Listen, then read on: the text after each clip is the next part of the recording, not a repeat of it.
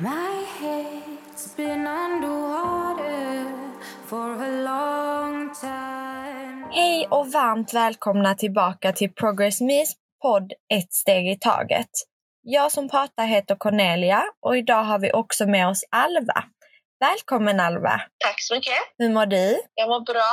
Hur mår du? Jag mår också bra, tack som frågar.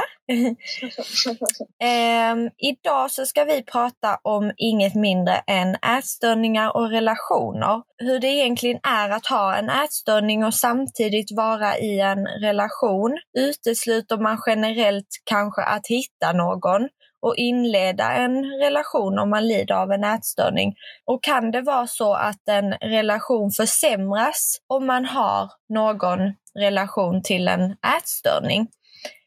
Och jag tänkte att vi skulle börja prata kring hur det har varit för dig, Alva. Eh. Skulle du vilja berätta och dela med dig om vad du har gått igenom? Eh, ja, det kan jag göra. Jo, men det började väl... Eh, jag har haft ätstörningar sedan jag var 13-14 ungefär. Mm, och idag är du Eh, 22. 22. Eh, det har varit väldigt jobbigt såklart.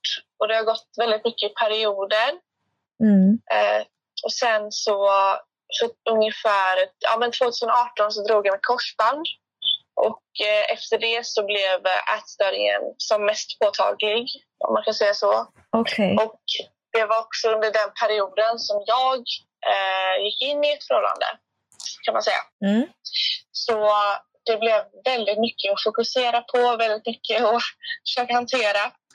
Precis. Och sen då efter eh, min operation så blev det som värst, ja, som värst eh, än vad det har varit någonsin då med ätstörningen.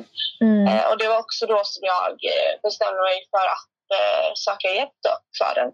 För att det var så himla jobbigt att jag Mm. inte orkade leva med det. Liksom. Vad, eh, vad, var det, vad tror du det var som utgjorde att det blev som värst för det här med korsbandet? Jag tror att det var eh, känslan av eh, att kunna kontrollera någonting Mm. eftersom att allt annat eh, runt omkring mig var för stort för att kontrollera. Så att då valde jag att dämpa ångest och, och skapa kickar eh, av något slag eh, genom att eh, kontrollera mitt matintag och träning och så vidare. Liksom. Mm. Så det var, det var nog det, tror jag. Okej, men, du, men du kunde inte träna när du hade opererats eller så? Nej, utan det, eller i början så ligger man i stort sett med sitt ben uppe i vädret i typ en månad och kan inte röra på sig överhuvudtaget. Så då, ja, det var väldigt påfrestande. Och sen så är man ju väldigt... Man eh, tappar sin eh, rörelse på något sätt. Så att det blir väldigt annorlunda. Det är som att Okej. ja, man känner liksom inte igen sig själv i kroppen. Typ, för att benet... Ja, jag vet inte. Det Nej. blev en krock helt enkelt. Ja. Och i samband med denna händelsen då så träffade du en partner Ja. som du är tillsammans med idag, eller? Eh, nej, det är vi inte. hur känns det liksom och hur vill du berätta lite djupare kring, eh, jag vet du har förklarat för mig lite att det var eh, tufft att ha ett förhållande eh, Ja, just då. Vill du berätta Ja. lite kring det? ja eh, för mig var det så att egentligen anledningen för att jag sökte hjälp var att jag ville ha motivation för att liksom upprätthålla eller kunna hålla det här eller kunna liksom eh, hålla förhållandet uppe Mm. så att säga. Mm. Eh, inte bara med min partner då, eller dåvarande partner, utan med kompisar också. För jag kände liksom hur jag började dra mig undan där också. Mm. Eh, och det var svårt att hitta motivationen för att bli frisk för min skull, om man ska säga. Så att då hittade jag min motivation att bli frisk för mina relationers skull. Och sen så, eh, ja, sen så har jag hittat motivationen för min egen skull också. Då. Men ja. jag tror att det som faktiskt hjälpte mig var just att jag så gärna ville att det skulle funka. För att det blev väldigt jobbigt. Det blev väldigt påfrestande för att jag... Eh, min par, dåvarande partner då var väldigt mån om att jag skulle bli frisk väldigt snabbt. Skulle gå väldigt fort alltihopa. Eh, jag, skulle, jag fick massa tips och massa eh, ja, krav egentligen. Och han ville så gärna hjälpa till. Men det Mm. blev bara massa krav som jag inte kunde eh, utföra. Typ. Och då blev det ju misslyckande för mig och pannkaka av hela... Ja, hela ja. det förstår jag. Det, det är ju jättejobbigt både att vara eh, som närstående eller att vara en partner. Det, eh, jag har ju också eh, förståelse för den biten eftersom att jag har Mm. varit närstående till min syster. Mm. Ehm, och det är väldigt eh, svårt och Mm. ehm, att, att förhålla sig till en person som har, går igenom en ätstörning och man, man vill ju så gärna hjälpa till och få den andra att bli frisk. Ja. Men man, ibland kanske det gör att man eh, agerar på fel sätt och, och säger fel grejer och kanske pushar lite väl hårt. Eh, Ja. Så väldigt viktigt där är ju att man, man ska aldrig som närstående eller partner skylla på, man ska inte lägga över, vad ska man säga, problemet på sig själv och Nej. tänka att jag som partner eller närstående är den personen som kommer göra den andra personen frisk. Nej, precis. Ehm. För att de är ju varken läkare eller psykologer. Så Precis. Ja, och där Eh. kände jag också att det blir så svårt att... Att det var så tydligt mönster. För att när jag drog med korsband, då Mm, fick jag all tid i världen för att läka. mm, Men sen när min ätstörning kom på bordet så skulle allting gå fort, fort, fort. mm. Så det är nog lite svårt att respektera det på samma sätt tror jag. Eller det har inte, jag har inte känt att jag har fått samma respekt Ja, eh, för att läka. precis. Nej, och sen eh, förstår jag ju också din situation, för jag, eh, jag, har, jag har inte alls gått igenom eh, samma som dig eller så, men jag har också haft, jag inledde en, en relation, vilket för min del innebar att min eh, ätstörning nästintill eh, slutade. Mm. Men det som var dåligt i just detta fallet var då att jag, jag blev inte frisk för min egna skull, utan jag blev frisk för att jag ville kunna vara med honom. Mm. Och det är där ett problem lig- ligger väldigt ofta, att man kanske tror att om jag inleder en relation så kommer jag eh, bli frisk från min ätstörning till exempel. Men man Mm. måste komma ihåg att man måste bli frisk och göra det för en själv. För sin Mm. egna skull och för sitt egna mående. Men känner du att du har kommit dit idag? Att du liksom kämpar för, för din egna skull om man säger så? Ja, ja, eh, det känner jag verkligen att jag har gjort. Ja. För som sagt, i början så kände jag att det var för relationens skull. Mm. Och som du säger så i slutändan så är inte det rätt anledning.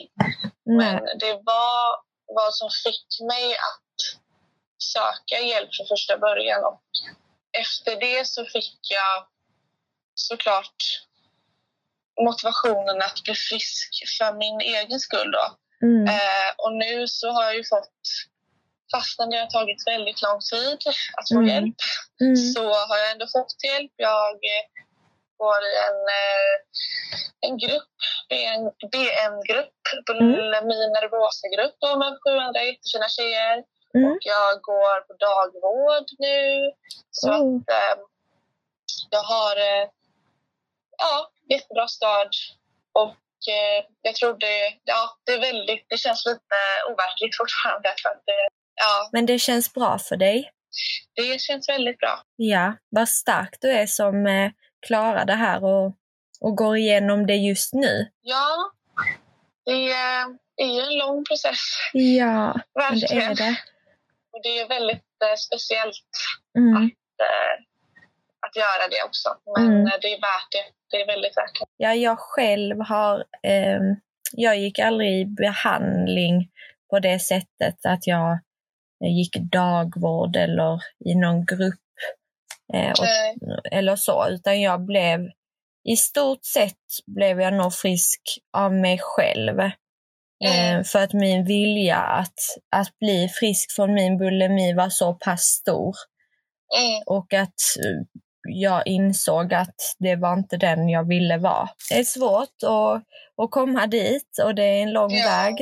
Ehm, Ja, det är det. Men man ska ändå veta om att, att det går. För det, Ja, jag tycker det också är viktigt att lyfta fram att det är många som, som tar upp just det här med att eh, blir man någonsin frisk från en ätstörning och Mm. så säger många nej, jag kommer nog aldrig bli riktigt frisk eller man blir nog aldrig riktigt frisk från en ätstörning. Men jag håller inte riktigt med där för att jag tycker att jag är helt frisk idag. mm. Sen självklart har jag dagar då jag kan må dåligt som, som vem som helst som inte har haft en ätstörning kan. Mm. Så ehm, nej, där, där håller jag inte med helt. Nej, och sen så, ja men det är väldigt viktigt att också komma ihåg att så här, som du säger, om man får ett bakslag någon gång så betyder det inte att man inte kommer kunna bli frisk. mm. Nej, precis. Utan det är ju verkligen upp och ner. Två steg framåt, ett steg bak hela tiden. Typ. Precis, alltså så var det för mig i många, många år. Ja, Så, ehm, så är det, absolut. ja.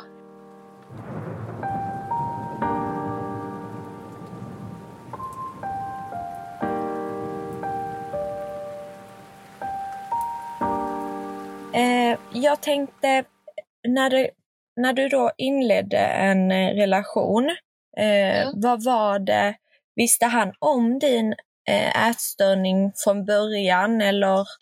Eh, nej, det gjorde jag inte. Nej. Utan det var ju min eh, största hemlighet. Eh, och den, det höll, jag ju hemligt för all, ja, allihopa Mm. eh, runt omkring mig. Då. Så det var ingen som visste. Och Eh, hur fick han reda på det? Jo, det var så att eh, när, jag mådde som, alltså, när jag mådde som sämst så började jag att eh, söka hjälp hos eh, ungdomsmottagningen. Mm. Eh, och där var jag i nästan två månader och pratade med en kurator och fick stöd och underlägg för att kunna berätta för ja, men de närmaste. Så här. Först min dåvarande kille och sen min bästa vän och sen mina andra bästa vänner. Så då Mm. fick jag ju verkligen stöd och det behövde jag kände jag för, Ja. För att kunna skicka iväg ett sms. För jag började med att skicka iväg ett sms och jag fick hjälp att skriva ett meddelande som jag kunde skicka då. Mm. För att det kände jag var lättast för mig. Och sen så kunde man ta det vidare efter det. Precis. Så eh, ja, jag skickade ett sms och så pratade vi lite över telefon sådär. Och sen när vi sågs i verklighet nästa gång, eller efter det, gången efter det, så Mm. Tog han upp det då. Så pratade vi och sen så ja, pratades vi, pratas, pratades det Mm. eh, eh, upp, eller inte öppet så, men det var, det var lite mer på bordet då så att säga. Okej. Men tog han upp det då, liksom, blev det att då att han liksom tog över det och liksom han kanske var väldigt stöttande i det, eller?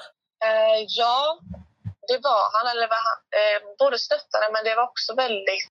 Att det blev lite för mycket, eller? Ja, precis. Så det, Väldigt, ja, precis. ja, för du har ju beskrivit att det, det gick över från att vara ett, en sorts stöttning till att det mer blev krav.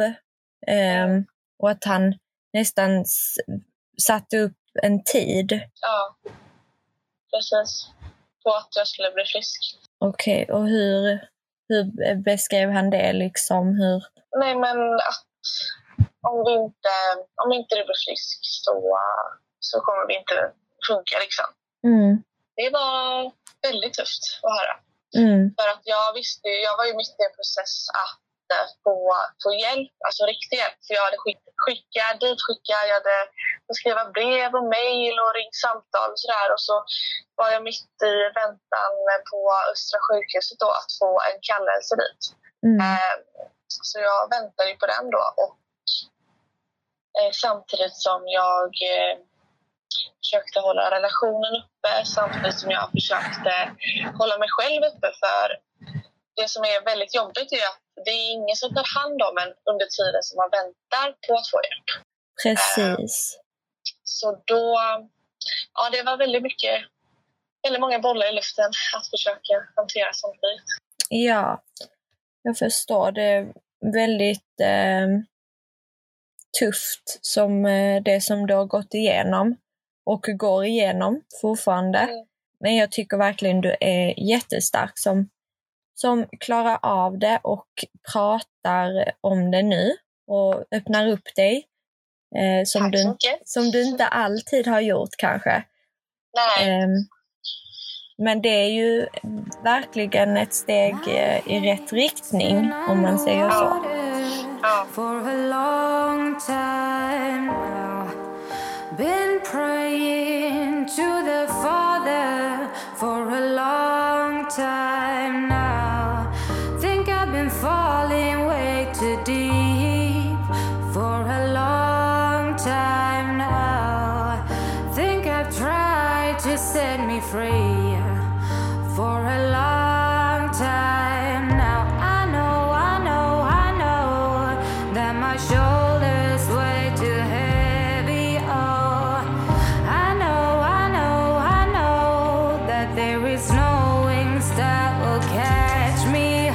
Men idag så har vi också med oss några frågor som vi har fått in eh, som jag tänkte att vi skulle svara på och kop- eh, som då är eh, kopplade till eh, avsnittets ämne. Eh, och vi kommer också få hjälp av eh, psykologen Malin som var med förra veckan också.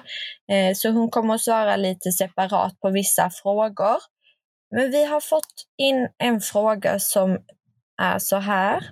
Eh, Jag tycker att det är jobbigt att om den jag träffar, i mitt fall killar, är smalare än mig själv. Hur vänder jag på detta och får bort dessa tankarna då jag oavsett om jag tycker om dem jättemycket inte kan fortsätta träffas? ja, Ja, jag vet. Vad tycker du? ja, eh, Du ja. börjar om du Ja, jag kan säga direkt att ehm, jag själv har varit lite i samma banor. Eh, och det är för att jag har jämfört mig med min partner Mm. och då har det triggat mig om den personen har varit smalare än mig själv. Mm. Men jag har också kommit till den punkten där jag inser att det handlar inte om vikt eller kroppsform på det sättet. För att min pojkvän som jag är tillsammans med idag, han är väldigt lång och smal i sig själv. Mm. Och, men jag är också smal i mig själv. Mm. Men jag skulle aldrig idag jämföra mig med honom och tänka att, att jag är stor bara för att han kanske inte har, bara för att han är smalare på vissa ställen än vad jag är. Ehm, så allting handlar om jämföranden, att man måste släppa kontrollen på det eh, och att förstå att det är ingen som denna eh, killen i detta fallet eller tjejer kanske är jättesmal i sig själv och kanske tycker det är jättejobbigt. Mm. Och att då inte ge denna personen en ärlig chans för att man själv triggas av det är kan egentligen vara, alltså det är på ett sätt fel för att jag vet ju själv hur jag har mått över det här och det är, ju- det är så himla dumt att tänka så. Eh, Ja. Och liksom sätta spärrar på, på sig själv och vem man ska få vara med och inte på grund av att man känner sig stor jämfört med den andra. Ja. Det är ju exakt samma som det behöver ju inte egentligen vara en partner som man är tillsammans med utan det kan ju vara en vänskapsrelation också för så kunde det vara med mig att jag tyckte det var jätte, jättejobbigt att umgås med vissa kompisar som jag som var väldigt smala i sig själv. För att då jämförde jag mig med dem och triggades av att de var smalare än vad jag kände mig själv. Um, och det är just det här släppa kontrollen och inse att det handlar inte om vem som väger minst eller vem som har smala. Alltså det sitter ju bara i huvudet. Um, det är väl det jag tänker. Ja, jag tycker du sa det väldigt bra. Mm. Faktiskt. Ja. Det är verkligen synd att det har blivit så att man, eh, ja, att man undviker vissa personer som man kanske till och med tycker väldigt mycket om bara för, Precis. för att ja, för normerna.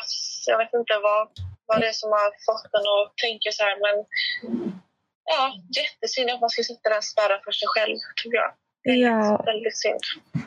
Precis, och det, jag tänker också att eh, om man nu tycker att det är alltså, jobbigt och att det triggar en, berätta detta för personen Mm. och säg och prata om det. Eller du Mm. kanske kan berätta det till en, en annan person att du tycker detta är jobbigt för att du måste på något sätt få ut, ut det och prata om det för att sen kunna släppa det och tänka att det handlar ju inte om vem som är smalast.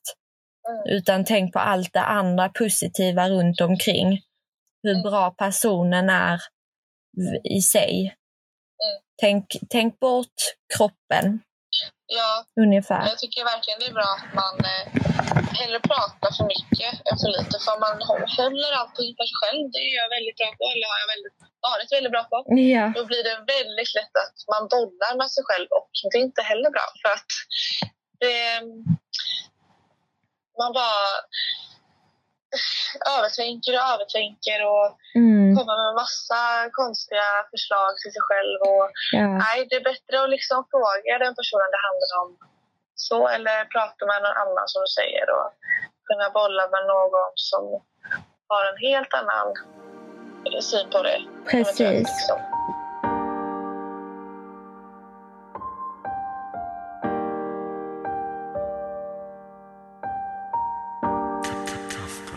Vi har en annan fråga som är eh, vad säger man och hur hanterar man kommentarer från en frisk person när det verkar som att personen inte bryr sig eller inte förstår? Ja, eh, jag har ju fått väldigt mycket kommentarer Mm. eh, och då har jag känt mig framförallt väldigt missförstådd. Mm. Eh, framförallt att eh, personen i sig inte förstår vad jag går igenom. Mm. Och det är ju fruktansvärt frustrerande och man blir framförallt väldigt ledsen. Ehm, Precis. det kan ju vara så att man en... För en- så kunde det vara med mig. Att ena dagen så kände jag Gud vilken tur jag har som är med en så förstående kille typ. Men Mm. sen så kunde jag få någon kommentar som gjorde att jag blev väldigt ledsen. För då kändes det helt plötsligt som att nej, han förstår mig inte alls. Ja. Ehm, och just det i sig är ju väldigt jobbigt. Eh, så att hantera kommentarer. Jag pratar väldigt mycket. Då är det väldigt skönt att prata med framförallt sina kompisar, Mm. tycker jag. Mm. Men tänk så är det nu, tänk så är personen som nu säger den här dumma kommentaren, det är kompisen. Ja. Ja, Vad gör du då? då kan man ju försöka. Det kan vara väldigt svårt. Jag vet själv att det är väldigt svårt att eh, komplettera någon om man är så himla inne i, i en ätstörning. För att det blir lätt att man kanske håller med eller man försöker liksom hålla masken eller, hå- eller försöker lätta upp situationen just för att man är man vill inte göra saker värre. Så Mm. kunde det vara för mig. Att jag istället höll med typ och kunde liksom så här, ja, för att inte göra saken värre eller att, ja, eh, och då tycker jag det istället är bättre att man, ja, man kan ju göra så här, man kan ju om det är, känns lättare så kan man skicka ett sms kanske på kvällen och ta det över telefonen. För det kan vara jobbigt att se åt någon ansikte mot ansikte. Ja. Så att skicka iväg ett sms och säga att säg inte så utan säg så här istället om det är någonting du undrar över eller Mm. kommentera inte alls för att alla kommentarer är verkligen inte nödvändiga. Precis. Eh, så ja, Jag håller med dig. Jag tänker att eh, just det här med att skicka iväg ett sms istället för att säga det, det är inte alltid att man vågar ju. Alltså säga ja det nej, nej, nej. när man sitter där och man kanske inte tänker på det direkt när det sägs utan man går och ältar det och tänker på det mer och mer. Varför sa hon eller han sådär till mig och varför mm, tycker då den personen så, eh, si eller så? Boll, alltså släpp på, släpp på hjärtat om man säger så och berätta för personen hur du känner ehm, att du har tagit väldigt illa vid och att det faktiskt var en onödig kommentar så att personen kanske kan hantera det bättre till en annan gång. Ehm, jag till exempel, ja det finns situationer min, som händer idag som min pojkvän kan säga liksom vissa nej men, kommentarer eller ord som jag liksom tycker att det så säger man inte. Och då säger jag ifrån. Och det är samma om, om någon, om jag säger något fel, så förväntar jag mig att personen säger ifrån, detta är jag med ledsen, jag tycker inte du ska säga så här. Och då tar jag till mig det och försöker inte göra så igen.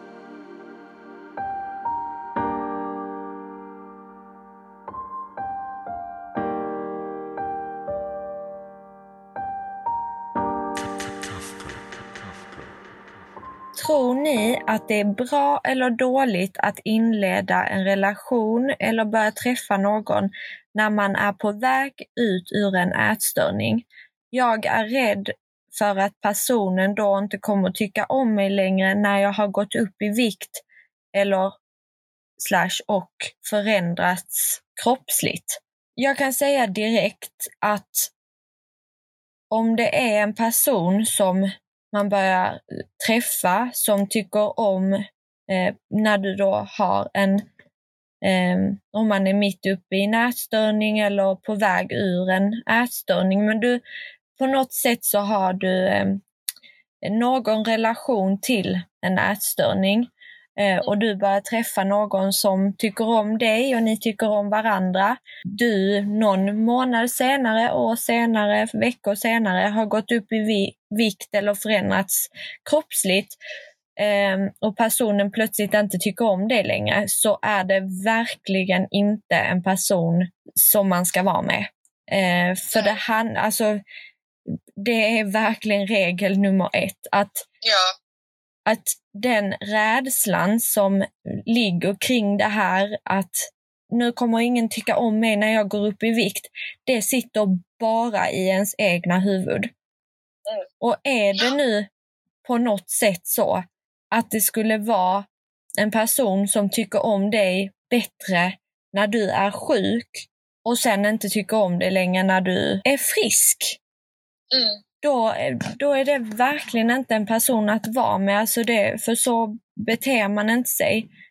Um, och jag tror att en frisk person, hur ska jag förklara detta, men att en, börjar man träffa en person som är sjuk och man tycker om denna personen så tror jag nog bara att man blir gladare och gladare ja, ju friskare personen. pers- personen blir.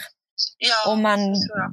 Jag tror inte alls att det handlar, alltså att personen då tänker, åh nu har hon, hon eller han då gått upp eh, i vikt så nu tycker jag inte om den längre. För jag tyckte om personen så mycket när den var smal.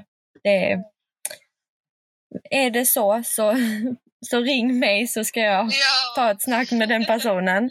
Nej men eh, istället för att ja, ju mer ju friskare man blir desto gladare blir den personen om den verkligen tycker om en. ja, Sett av rätt anledningar så blir den ju istället mycket gladare och kanske tycker om tycker om en ännu mer när man blir frisk och ja, går upp i hälsosam vikt eller liksom så här. För att man utstrålar ju mer glädje, alltså man utstrålar ju något helt annat när man börjar må bra. Liksom. Precis, om det är bra eller dåligt att inleda en relation.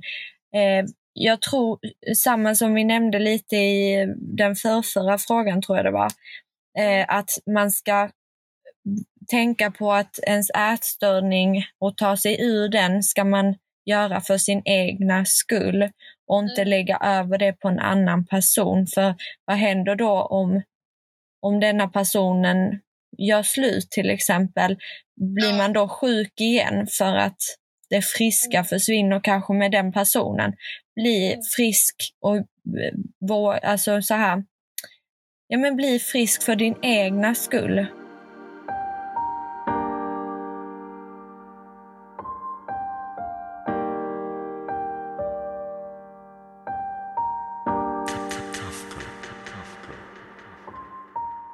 Och nästa fråga tänkte jag att eh, Malin skulle få svara på.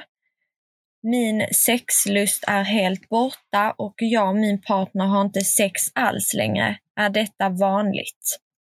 Vad säger du Malin? Det innebär ju inte att sexlusten kommer att utebli liksom för resten av livet eller att det inte går att göra någonting åt det. Men jag tänker att det är viktigt att tänka att eh, Eh, att det här är ett problem relaterat till ätstörningen snarare än kanske en lustproblematik. Eh, så genom att till exempel äta tillräckligt, att äta mer regelbundet eh, och att faktiskt återta i vikt om det är det man behöver så, så har vi delvis möjligheter att, att åter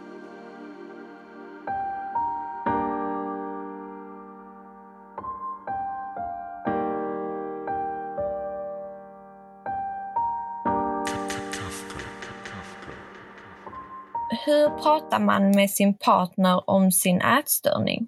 Uh, ja, uh, för mig så var det väl... Uh, man kommer ju få en del frågor. Mm. och det är väldigt jobbigt att få frågor om sin ätstörning för att det kan bli lätt att man blir nästan lite så här... sätter upp en mur och försöker liksom stöta bort det. Men det viktigaste är att svara så gott du kan på, på de frågor du känner att du orkar svara på.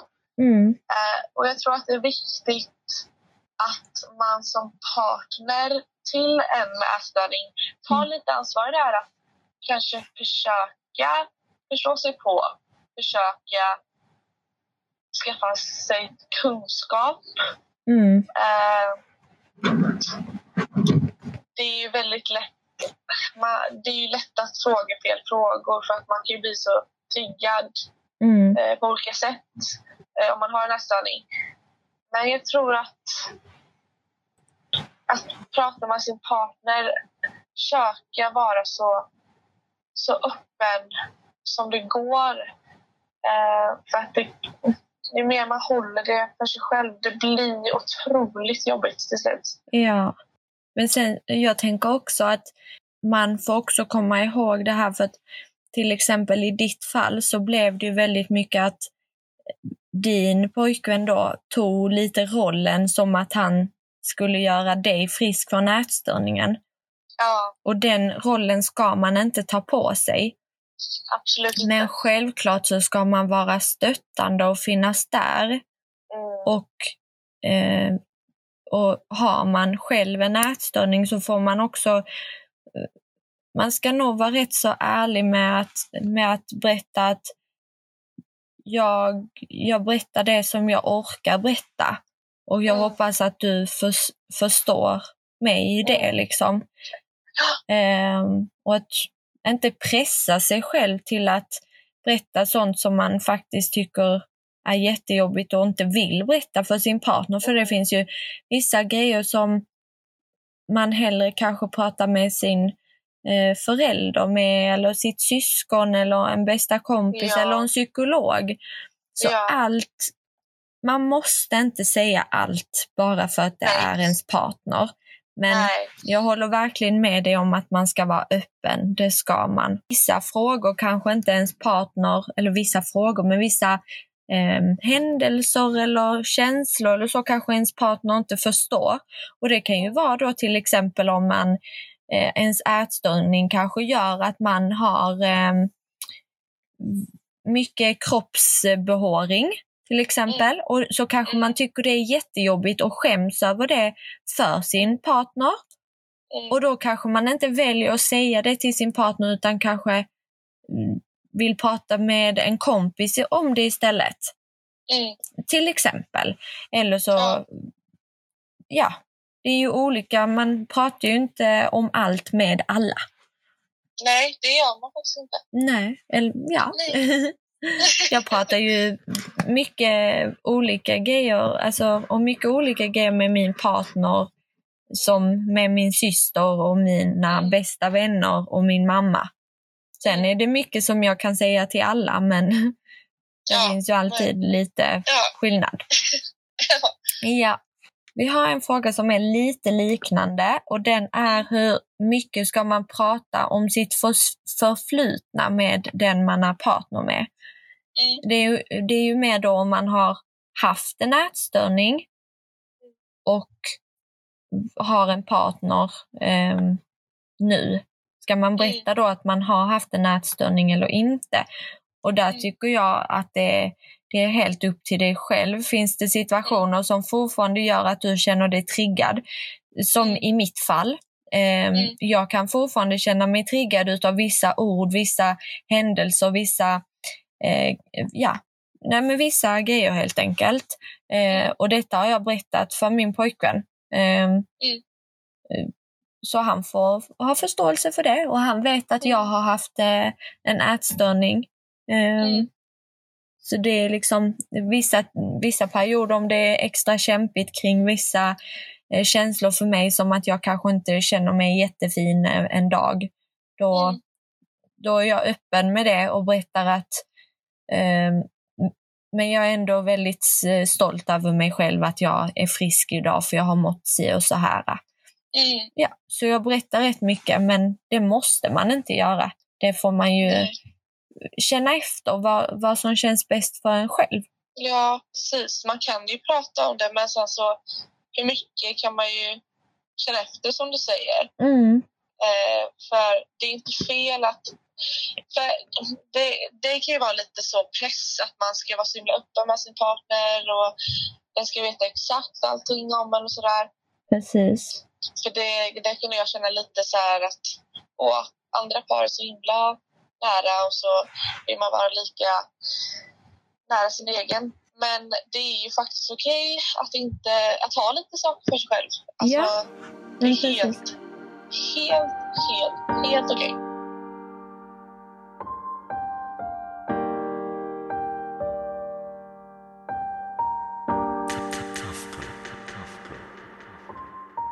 Vi har en fråga här som också är lite lik den som vi hade innan med kommentarer. Eh, men det handlar här om hur man ska hantera kommentarer från till exempel släkt och familj om man har en ätstörning. Det är någonting som ger, ger en ångest, oro. För det, det har jag gjort väldigt ofta, att om jag har fått en kommentar eh, så har jag pratat med min bästa vän till exempel Mm. Och då är hon väldigt skön och liksom försöker verkligen så här, ja, hon är väldigt duktig på att, eh, på att prata bort ångesten. Liksom, så här, att, eh, okay. så får man ju känna mig mycket bättre. Så där. Och jag tror att det är väldigt skönt att bara få ut sina känslor och tankar ja. om man har hört någonting. Alltså, bara få ut det. Prata med en mamma, pappa, syskon, mm. kompis. Så där, liksom att, Inte ja. hålla det inom sig. Nej, precis. För det är ju trots allt något som man har ta tagit, sig, man har ta tagit åt sig.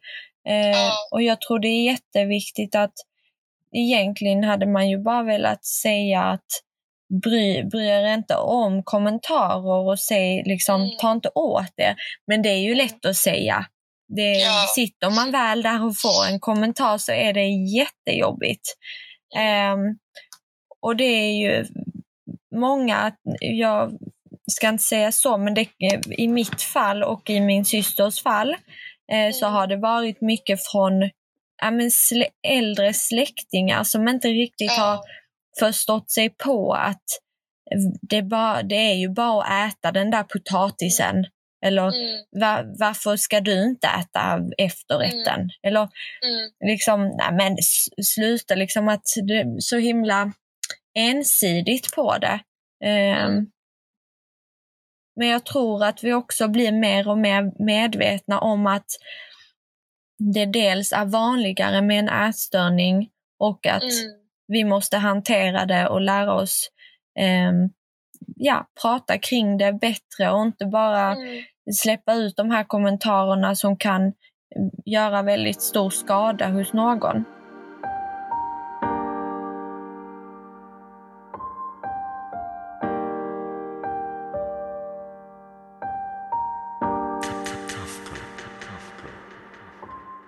Nästa fråga är till Malin. Hur vågar man börja träffa någon om man är mitt uppe i en ätstörning för att inte göra det jobbigt i till exempel matsituationer?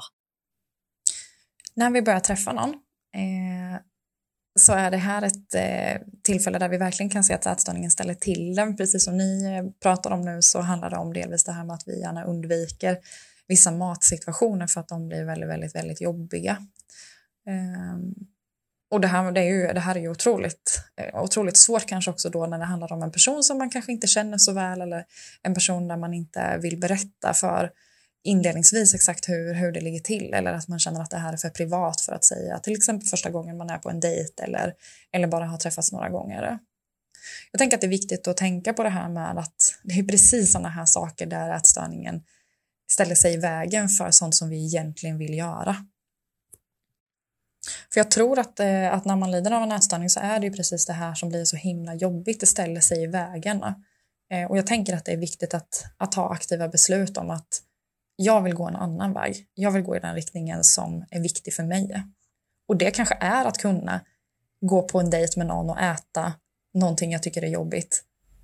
Trots, eh, trots att jag vet att det ger mig ångest efteråt. Just för att, för att jag faktiskt vill göra det här och det är viktigt för mig. Så eh, jag uppmuntrar er verkligen till att göra saker som, som ni egentligen tycker är jobbiga för att ni vet att någonstans så, så vill jag att det här ska fungera på ett annat sätt.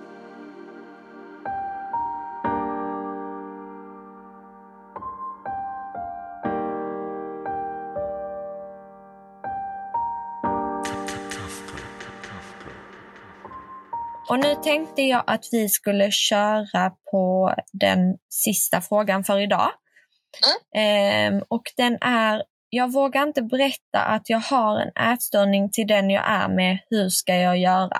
Jag förstår att det är jättejobbigt för jag tyckte det var hur jobbigt som helst. Mm.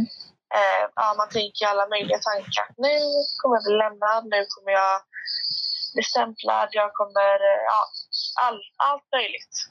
Precis. Massa katastroftankar kommer ju. Eh, och jag tror, i mitt fall så behövde jag stöd, eh, underlägg för hur jag skulle berätta det. Mm. Eh, och framförallt anledningen till varför det är bra att inte hålla det för sig själv. Mm. Eh, att kunna förstå, eller ja, förstå, förstå, men ändå kunna liksom se eh, att det blir bättre om man berättar. För det blir mycket, mycket bättre om man berättar eh, om sina problem än att hålla det inne. Precis. Så i mitt fall så fick jag hjälp att skicka iväg ett sms då. Att skriva Mm. ett sms och sen skicka iväg det. Och sen så tog jag det efter det. Mm. Och jag tycker det var jätte, ett jättebra sätt, ett skönt sätt Mm. att, eh, att kunna göra det på. Att man skriver lite kortfattat sådär att hur det, hur det ligger till och sen att, att eh, så kan man ju också skriva till sådär att det här, eh, det här tog väldigt mycket av mig att skriva det smset. Så om man inte orkar liksom ta det direkt, för det kan ju, det kan ju bli så att ens partner vill liksom ja, börja prata om det och veta allting direkt och sådär. Men då Mm. kan man ju skriva att detta tog energi, för det, det tar energi att skriva ett sånt sms. Mm. Eh, och eh, vi kan prata om det eh, senare, men nu vet du hur det ungefär ligger till. Jag tror precis som du säger, ehm, håller jag med om. Mm. Ehm, jag var inte i en... Ja, nej, det var... Jag var inte i en relation när jag ehm, hade min ätstörning som mest. Eh, men jag hade ju däremot inte delat med mig av det till andra relationer som till exempel till mina föräldrar och, och så vidare. Och detta gjorde eh, det var väldigt svårt för mig och jag ville, jag har en väldigt nära relation med min mamma bland annat. Eh, och jag kom till den punkten att jag kände att jag inte kunde hålla det inom mig längre och att mm. om jag ville bli frisk på riktigt för en gångs skull så mm. Behövde jag berätta det. Mm. Eh, och jag gjorde som dig, jag skrev ner det. Eh, mm. men jag skrev ner det mer som en liten text, en liten på, en, på ett papper. Eh, och gav det till min mamma och sa att nu kan du gå in i det här rummet och så eh, går jag in i detta rummet och jag kommer att ligga under täcket när du kommer tillbaka. Mm. Alltså mm. bokstavligen för att jag, ja. jag tyckte det var så jobbigt. Ja. Det var ju liksom ens livs största hemlighet eh, som man skulle dela med sig om. Eh, mm. Så jag förstår att du inte vågar berätta det, eh, för det mm. vågade inte jag heller. Men till slut så hittade jag modet. Och det kanske ja. krävs att man då skriver ner det istället för att berätta det. Mm. Eh, så det är ju ett stort tips. Att skriva ner det. Eller på något sätt eh, undvika att säga det utan mer liksom ja. ja. Kanske låta någon annan, alltså om man, om man kanske har berättat det för eh, en förälder mm eller en kompis eller så, så kan mm. man säga, fråga om kompisen eller föräldern vill säga det till ens partner. Ja. Till exempel. Det är också en jättebra idé. Ja. ja.